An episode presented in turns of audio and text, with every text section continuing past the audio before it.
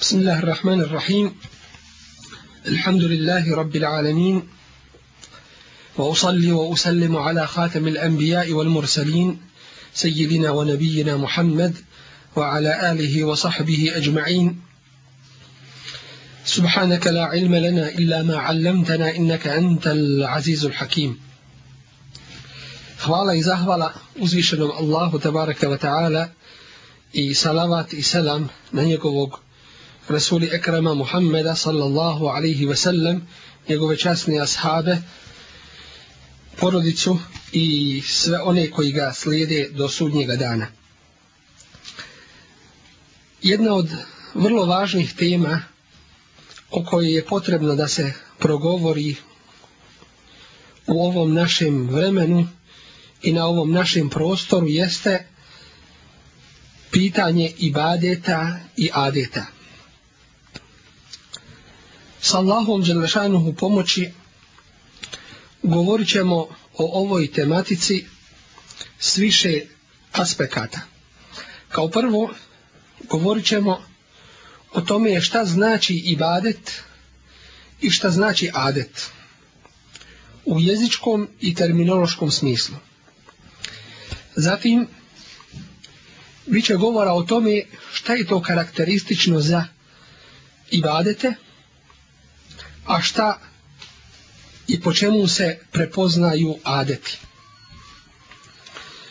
Dohvatimo, dohvatit ćemo se, ako Bog da inša Allah, i pitanja i badeta i adeta u fikskom području, tako što ćemo vidjeti šta se koristi kao osnova kod adeta, a šta kod ibadeta u fikskom području utvrđivanju istih.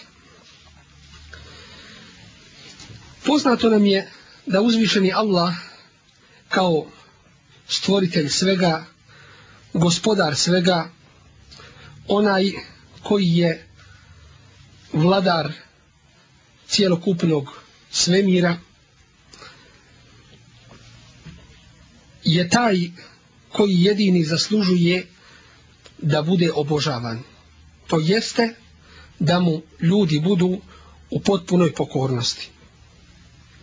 Nema sumnje da Allahova milost je bila da dolaze među ljude njegovi poslanici i vjerovjesnici kako bi ljudima dostavili pravu vjeru i Allahovu poruku. Osnova vjere jeste upravo da se definiše i da se u praksi pokaže odnos čovjeka prema svemu oko njega. A prije svega odnos čovjeka naspram njegovog stvoritelja uzvišenog Allaha Đelešanu. Osnova dakle vjere jeste pokornost i prihvatanje uzvišenog Allaha kao stvoritelja i gospodara svega, prihvatanje njegovo kao božanstva i onoga kome pripadaju sve vrste ibadeta.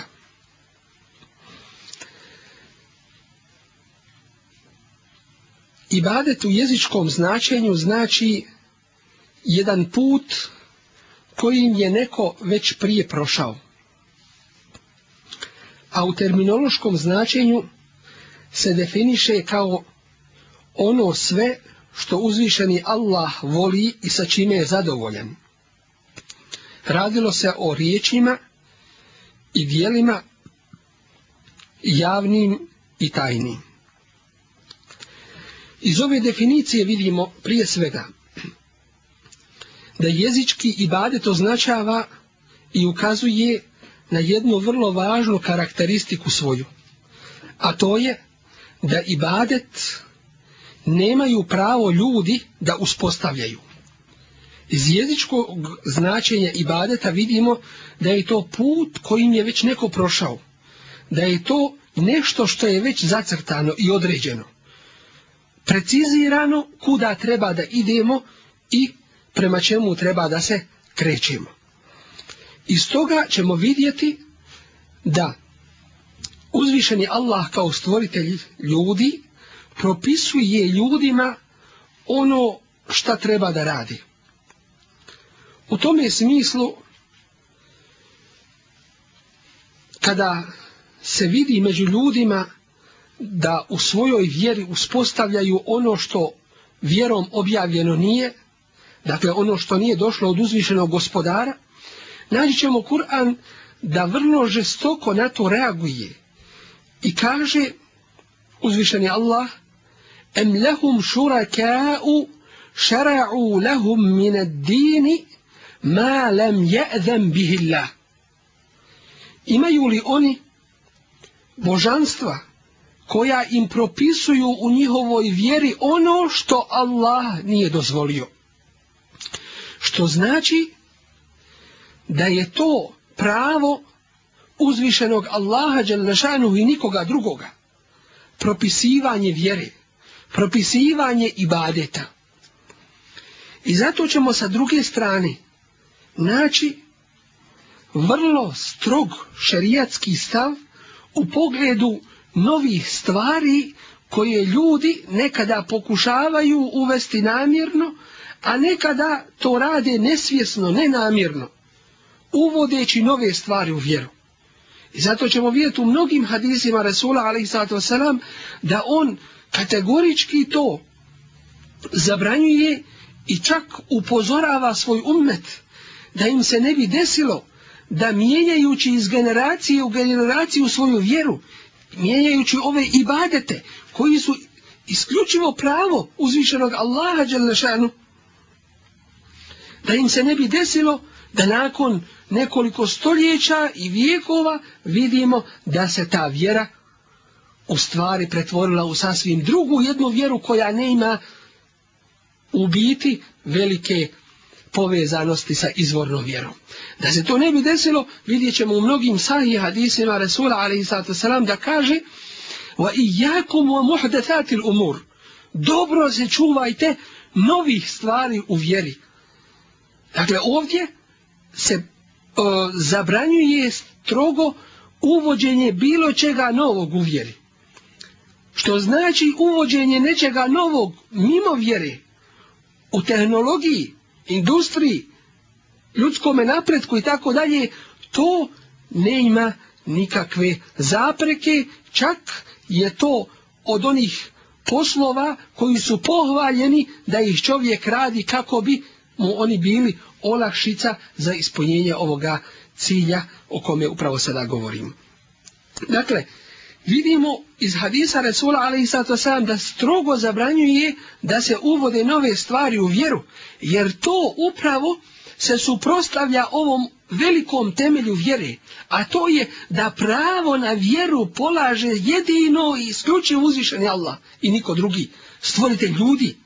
I vidjet ćemo šta se desilo sa mnogim ideologijama i vjerama koje se nisu držale ovoga pravila koje su dale svojim sveštenicima, koje su dale svojim prvacima među sobom pravo da propisuju vjeru, da im mijenjaju kroz svoje kongrese, kroz svoje sastanke i tako dalje, da mijenjaju tu vjeru.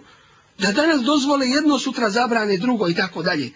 To je isključivo pravo uzvišenog stvoritelja i nikoga drugog. Čak u to se Allahovi poslanici nemaju pravo miješati. Oni samo dostavljaju Božiju poruku i ništa više. I vidjet ćemo, dakle, s jedne strane da se strogo zabranjuju novotarije u islamu.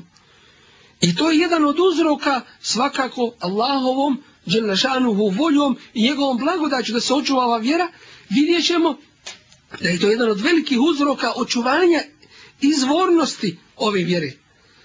Dakle, čuvajte se dobro novotarija fe inne kulle muhdesetim bid'a jer svaka nova stvar u vjeri zove se bid'atom dakle da se radi nešto danas u ovom stoljeću ili onima prije nas ili poslije nas što nema osnove u vjeri što nema osnove u Allahovoj knjizi Kur'anu koja je ostala čista originalna i očuvana do, do današnjeg dana i takva ostaje do sudnjega dana i ono što je bilo u praksi Allahovog Resula Muhammeda sallallahu alaihi ve sellem koji je došao upravo da potvrdi ono sa čime su došli poslanici prije njega da potvrdi izvorno ono što je od toga ostalo ili da u svakom slučaju ispravi ono što, je, što se od toga iskrivilo dakle vidjet ćemo da se sve te novotarije u vjeri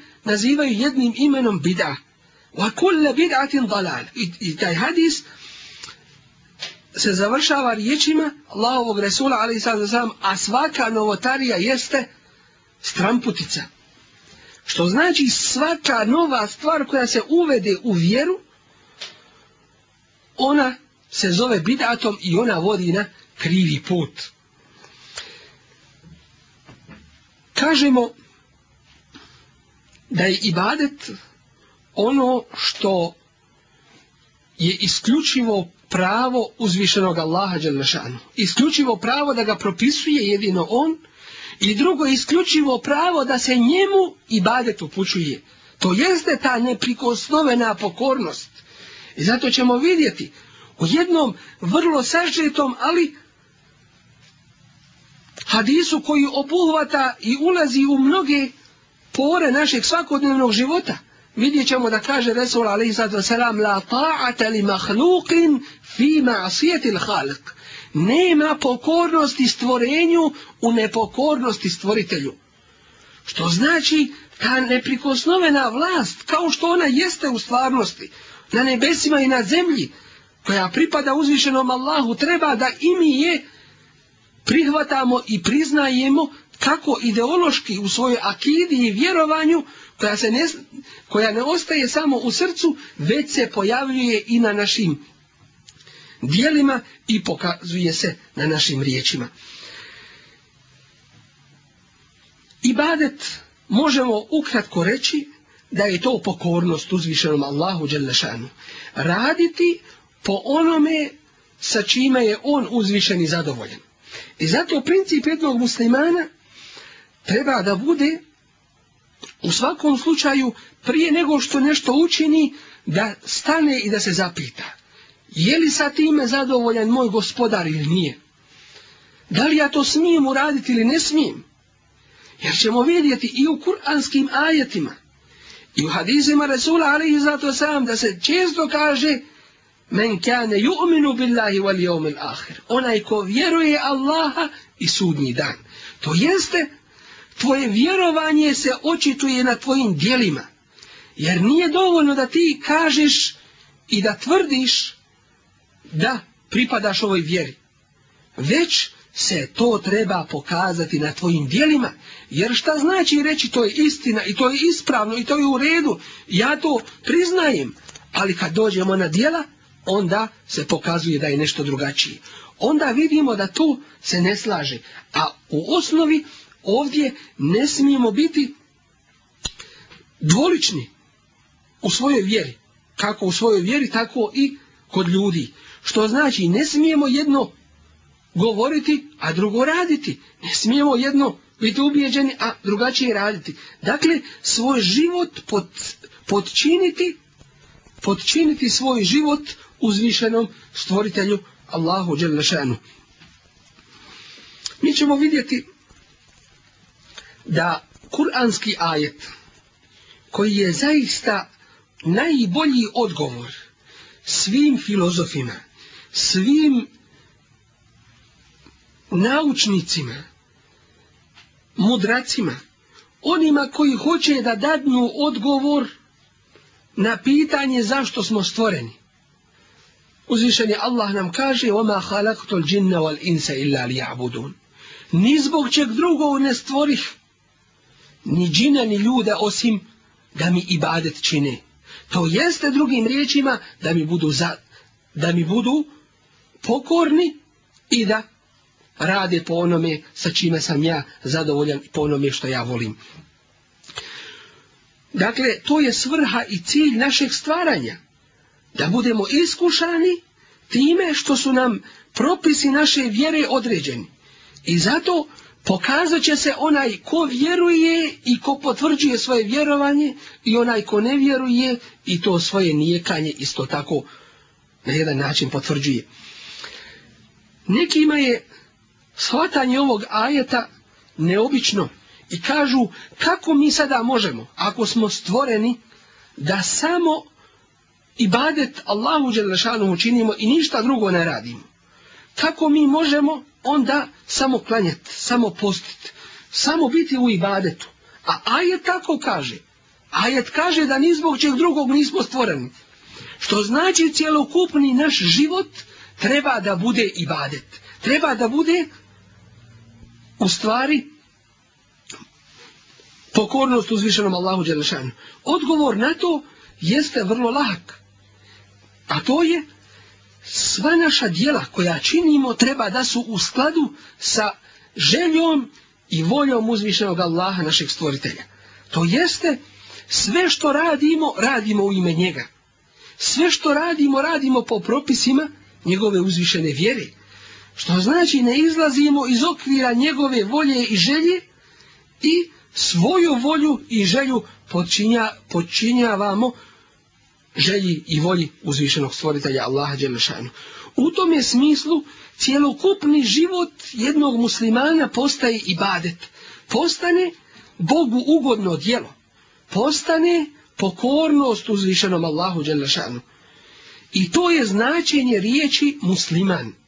Onaj koji je predan Allahu.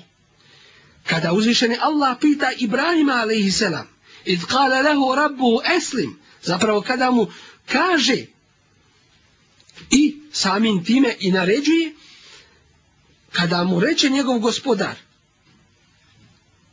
Eslim, ti se predaj Allahu uzvišenom, budi sav Allahov i sva tvoja dijela neka su Allahu potčinjena kale eslem tu li rabbil alemin Ibrahim a.s. odgovara i te riječi su njegove zabilježene kroz istoriju u vječnoj knjizi do sudnjega dana.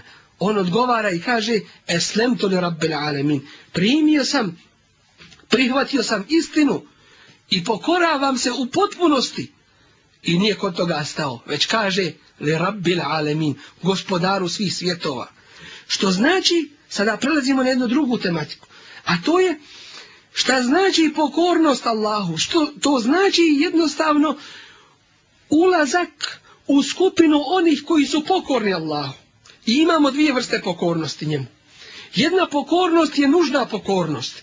I uzvišenom Allahu se pokorava sve što je na nebesima i na zemlji.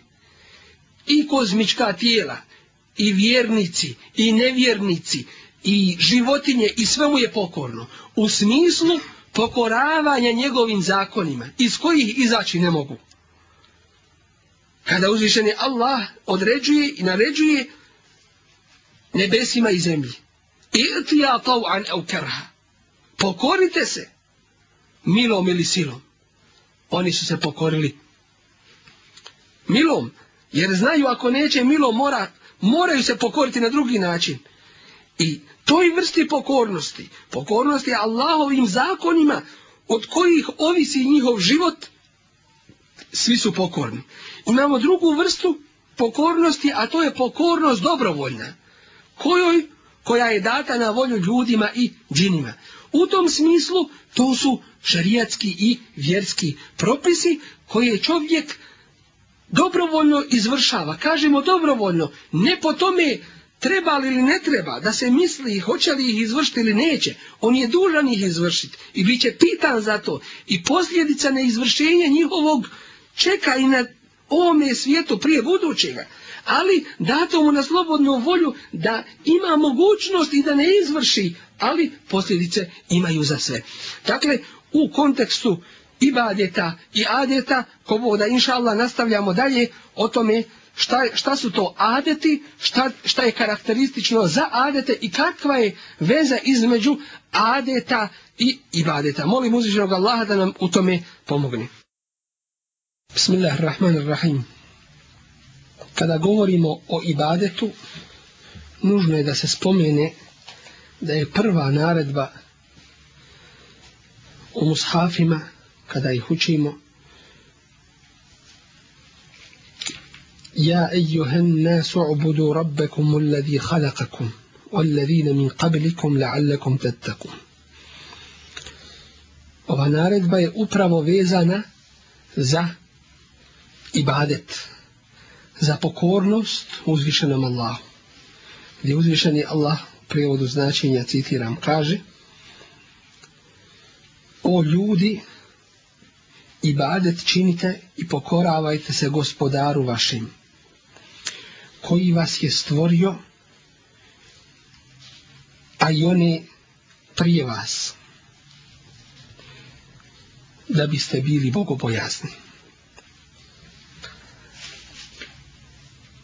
kao što je prilikom prve objave bilo naređeno ikra bismi rabbika alladhi khalaq uči u ime gospodara tvoga koji ih stvara i to je jedna vrsta ibadeta isto tako učeći Kur'an Kerim od početka vidjet ćemo da je prva naredba u njemu upravo naredba da se čini ibadet, dakle da se bude u pokornosti uzvišenom Allahu Đelešanu. Ta pokornost, što je vrlo važno da se shvati i naglasi, nije pokornost opšteg i formalnog karaktera. Jednostavno rečeno, to nije pokornost u smislu osjećaja, ni pokornost u smislu lijepog mišljenja, samovoljenja i ničega drugoga. Već je to upravo pokornost u poslušnosti onoga koji ističe i govori da je vjernik u pokornosti njegovoj uzvišenom Allahu stvoritelju Đerlešenu. Mm. upravo ova pokornost je ono što odvaja vjernika od onih drugih. Mi ćemo vidjeti kroz istoriju čovječanstva da je bilo naroda koji su shvatali Allahovu poruku. I govorili su se mi, Ana, mi čujemo, mi Svatamo, razumijemo to. Ali nisu nakon toga rekli ata'ana i mi smo pokorni, već su govorili sami'na wa asajna. Mi čujemo, ali smo asije, ali nećemo, ali za inat hoćemo po svome. To onda još gore. Kao što se kaže u jednom arapskom stihu, in kunte la tedri fa tilke musibetun wa in kunte tedri fa il musibetu a'zamu ako ne znaš, ako nisi znao istinu to je musibet, to, to, to nije u redu a ako si znao istinu i pored tvoga znanja ti drugačije i krivo radiš onda je to još gore dakle, to znanje ne opravdavate u tome što ne radiš I zato je velika greška nekima kada kažemo zašto to ne radite, što treba da rade ili zašto radite ono što ne trebaju da rade, oni kažu ja to znam. Pa to znanje nije opravdanje toga što se radi ili u drugom slučaju ne radi. Već je to zapravo dokaz protiv onoga koji zna, koji je saznao, ali neće da, da radi i da bude u pokornosti onome koji mu je to naredio ili u dočnom slučaju zabranio.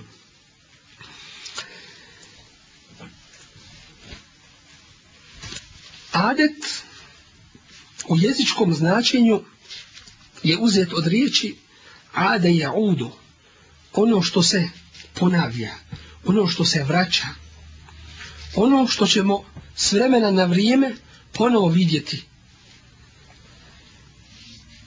a u terminološkom značenju to je ono što su ljudi uobičajili raditi u svome životu i ono što su naslijedili od svojih predaka. Dakle, u jezičkom značenju vidjet ćemo kada se vratimo na njega da je to nešto što se s vremena na vrijeme ponavlja. I to je potom je dobio e, ovaj izraz izraz nazive adet. Ono što se ponavlja. Ono što su ljudi naučili da rade u svome životu i ono što su naslijedili od svojih predaka. Od toga značenja je i riječ id, a to je praznik. I praznik može biti mjesto, može biti vrijeme, može biti određeni kult, može biti određena radnja i tako dalje. Sve ono što se ponavlja. I zato je Resulullah Ali Sato Sela vidjet ćemo shvatanje značenja id praznikovanja toga, onoga što se ponavlja s vremena na vrijeme, gdje Resulullah Ali Sato Sela kaže Allahumme la teđa'al qabri idan ju'bed Bože ne učini moj grob ovaj mezar ne učini praznikom koji će biti obožavan. Dakle, gdje će, vrije, gdje će ljudi praznikovat i svetkovat na tome mjestu u određeno vrijeme i tako dalje. I upravo iz ovoga značenja možemo odrediti važnost praznika u islamu i to da praznika u islamu određuje jedino stvoritelj ljudi, a to je uzvišenje Allah, djel nešanu koji određuje koji će se dani veličati i koji su dani od mnogobrojnih priznati od drugih isto tako i noći ovdje se postavlja jedno vrlo važno pitanje a to je kada definišemo riječ adet ili običaj među ljudima kakav odnos to ima sa vjerom Nima sumnje da sve što se radi i što se dešava oko nas, vjera u pogledu toga, vjera Islam u pogledu toga kao živa vjera, kao vječna vjera, ima o tome svoj sud. Zapravo to, taj sud je sud onoga koji je uspostavio ovu vjeru, a to je uzvišenje Allah Đelešana, koja je bila vjera u stvari svih Allahovih poslanika i vjerovjesnika od prvog do posljednjega. Iz ove definicije kad kažemo da je običaj ono što se što su ljudi naučili da rade u svojim poslovima ovo svjetskim i ono što su naslijedili od svojih predaka. Ovdje ipak ograničavamo da je to vezano za ovo svjetske poslove. Dakle, za poslove koji nisu vezani za vjeru. Jer u pogledu vjere mi ćemo vidjeti da ljudi mnogo toga od vjere često se dešava da nasljeđuju od svojih predaka. Mnogo ljudi još uvijek, nažalost, prima vjeru po nasljedstvu kada nekog pitamo zašto vjeruješ ili kada raspravlja sa nekim razgovara, vodi dijalog i, bi, i bude pitan zašto vjeruješ, on kaže pa vjerujem zato što sam tako rođen u takvoj porodici, otac i majka su im bili muslimani, moj e, dedo, nana su bili hađije i tako dalje, dakle veže se za, za svoje pretke. U tom slučaju vidjet ćemo da je vrlo bitno da čovjek je dužan biti vjernik musliman iz ubjeđenja, a ne iz nasljeđenja.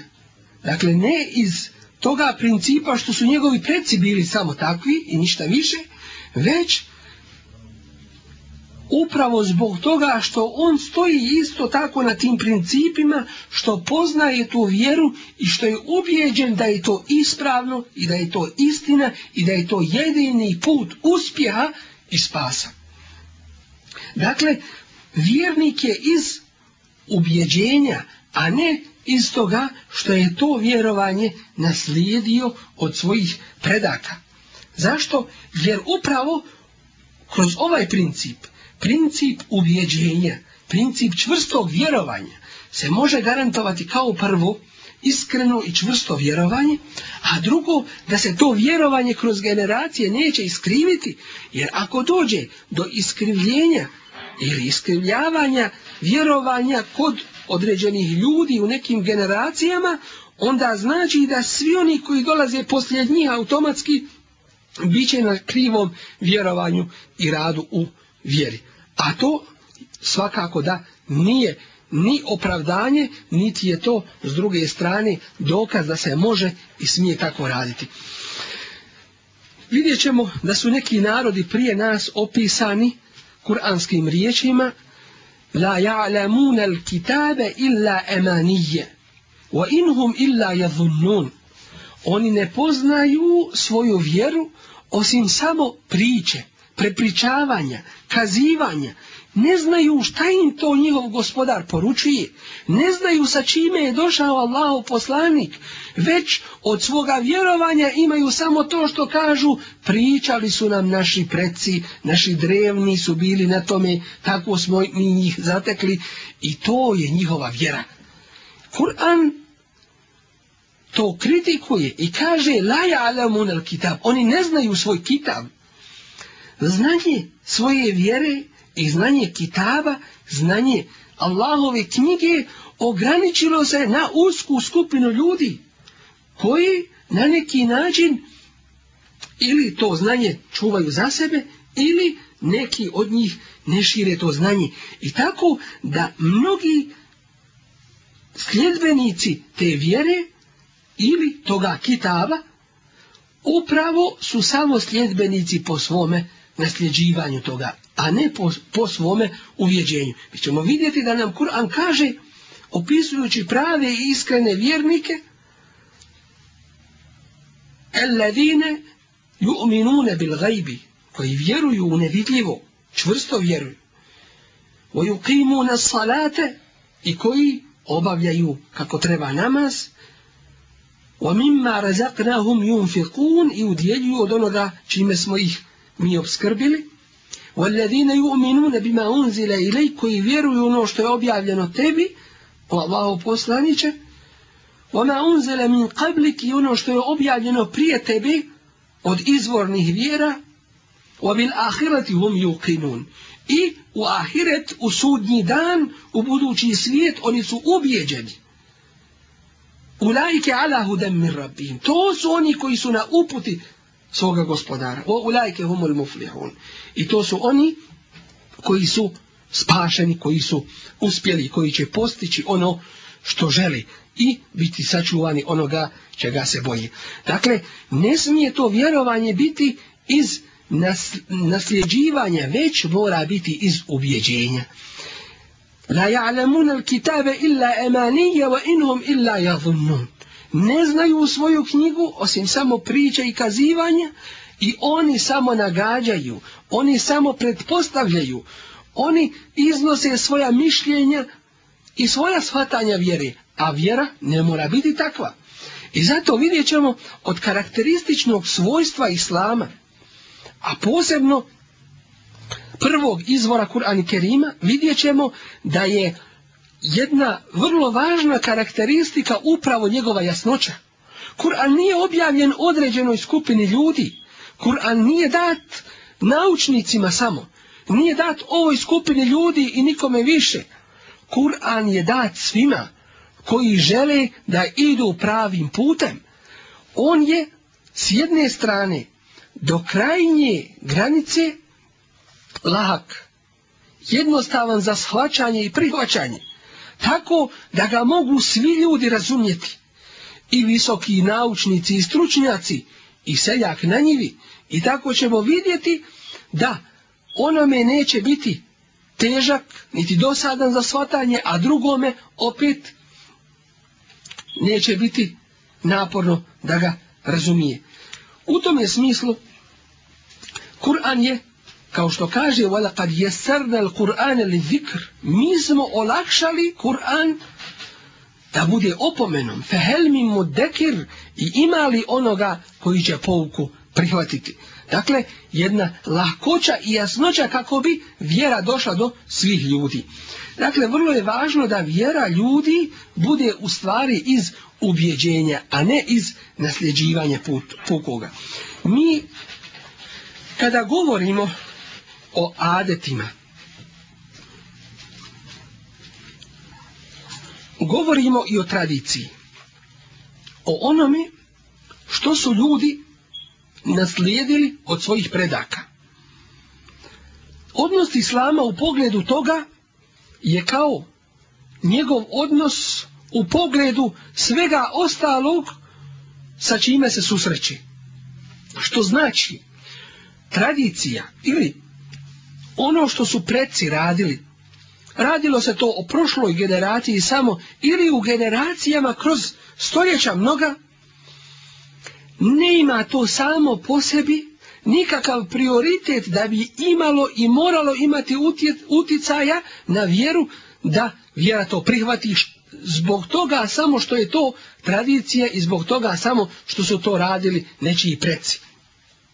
Već uputa propisivanje vjere i ibadeta i rad po tome isključivo je vezano za stvoritelja Allaha Đalešanu. I ono što su radili predci nema nikakvog uticaja na to. Iako nam je drago i iako nas veseli kada vidimo da su naši predci se držali izvornog islama. Kada vidimo da su primjenjivali islam onako kako to zahtijeva pravi istinski islam iz njegovih izvora. Ali s druge strane, neće nam biti problem nikakav kada vidimo u, našoj, u tradiciji naših predaka da su radili, kada su radili neke poslove koji nisu u skladu sa islamom, da kažemo, to je bila tradicija koju su radili naši preci, ali ona se suprostavlja islamu i ne ima svoga osnova u našoj vjeri i to samo što su oni radili i to što se zove tradicijom i to što su oni naši preci nema nikakvog uticaja da mi to radimo i prihvatimo a da odbacimo principe islama dakle principi islama treba da su na prvome mjestu i uvijek iznad i adeta iznad tradicije a u slučaju kada se adete i tradicije poklapaju sa izvornim islamom to nam je sasvim drago i to nas čini uh, veselim da su i naši predci radili po principima naše vjeri. Bismillahirrahmanirrahim. Ade, dakle, vidjeli smo da je ono što ljudi su uobičajili, što su ljudi uobičajili raditi i što su naslijedili od svojih predaka. Svakako da islam u svojim propisima vezanim za akidu i vjerovanje u propisima vezanim za fik i djelovanje u odnosima prema uzvišenom stvoritelju i prema čovjeka čovjek i u odnosima čovjeka prema drugim prema e, stvorenjima vidjet ćemo da islam nekada na poseban a nekada na uopšten način ukazuje i određuje sve propise i relacije i sve vrste djelovanja koje čovjek čini. U ovom odnosu, kada imamo neki adet i nešto od tradicije naših predaka, naš stav će u stvari biti stav islama, kao što smo vidjeli u pogledu obudijeta i pokornosti uzvišenom Allahu, i ibadeta, vidjet ćemo da će naš stav u stvari biti stav Islama. I ne smije nam se nikada desiti zapravo da mi odvajamo vjeru i naše vjerovanje od drugih naših poslova. Vjera o svemu Islam daje svoj sud.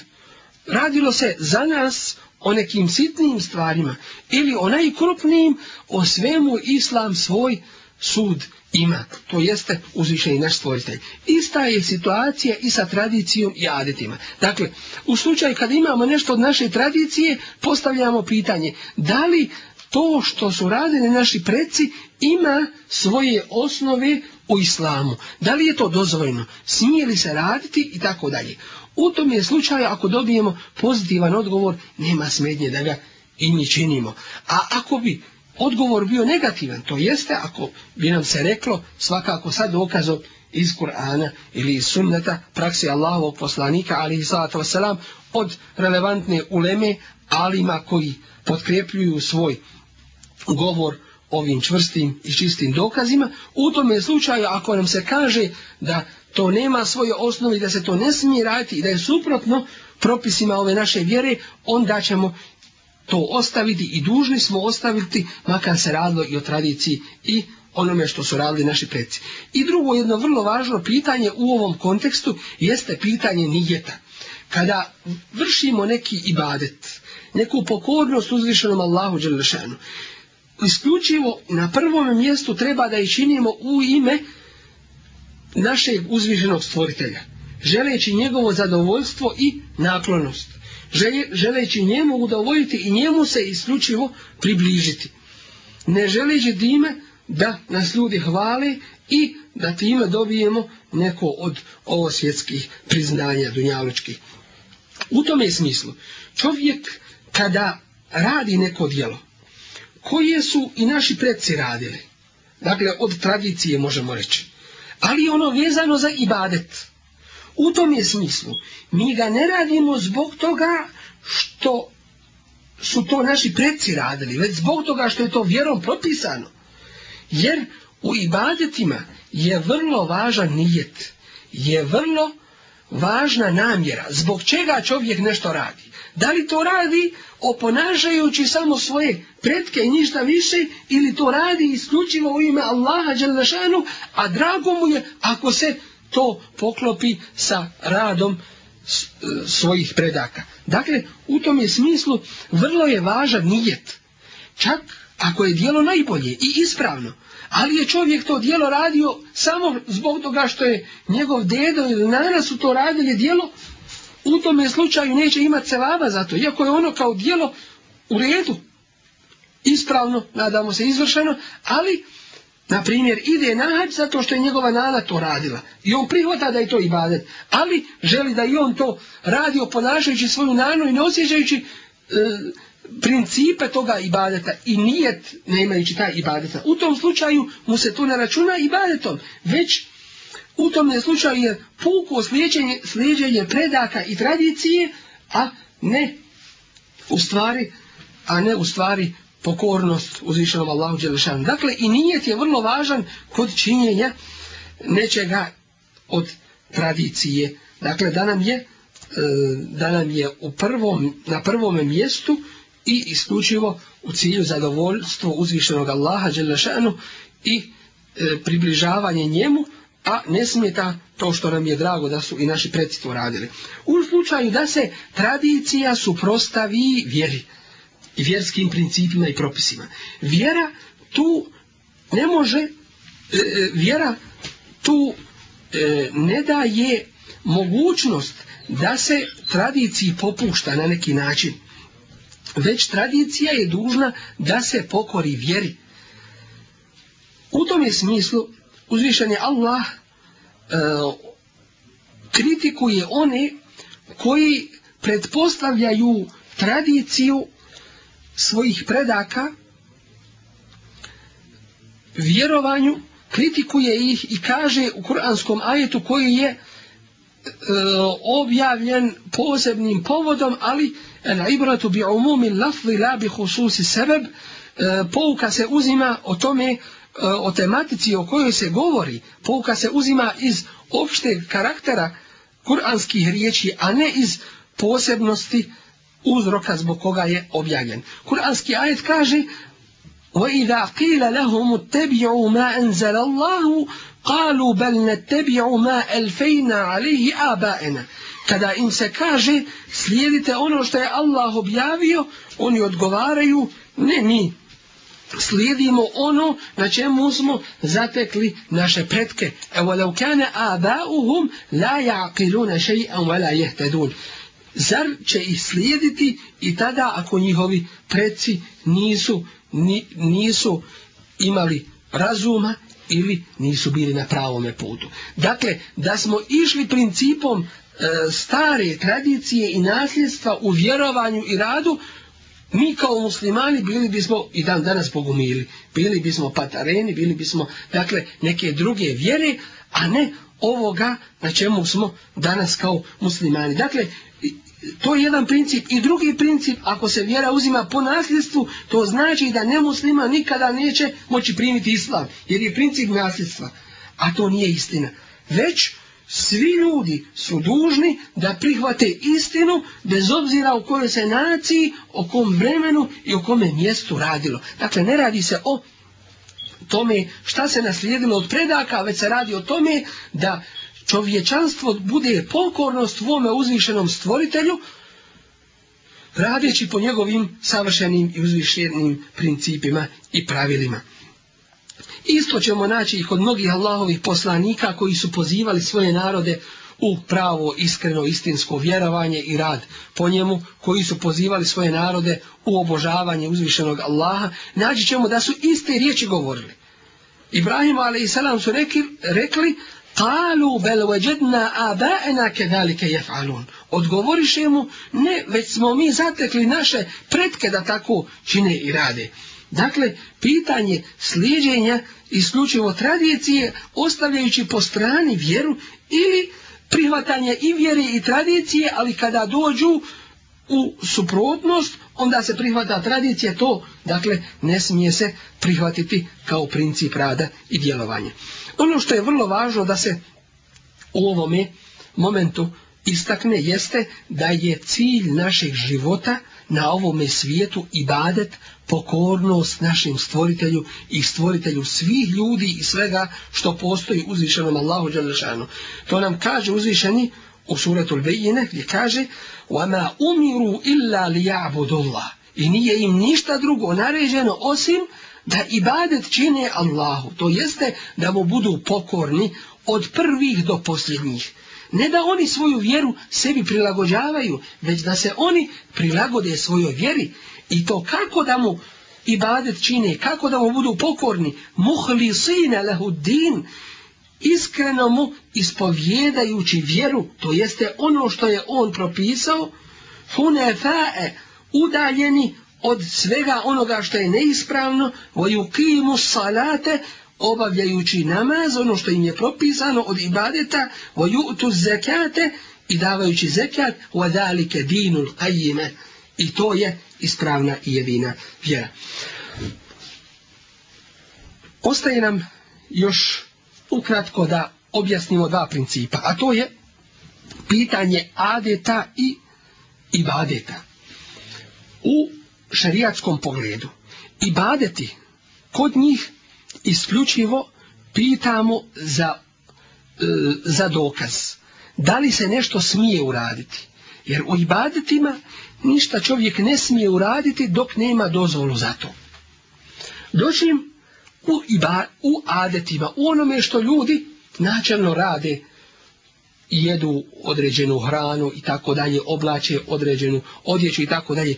U tome je osnova je da je to načelno dozvoljeno ako nije zabranjeno. To jeste, ljudima je pružena mogućnost u svojim ovosvjetskim poslovima da rade ono što na čemu su bili ono što su običajili da radi ako to nema u osnovi neke zabrane u islamu. S tim što treba pojasniti da oni opšti poslovi vezani za hranu, za odjevanje i tako dalje, međusobno posjećivanje i, i zato ćemo naći opšti dokaz u šerijatu, u Allahovom zakonu.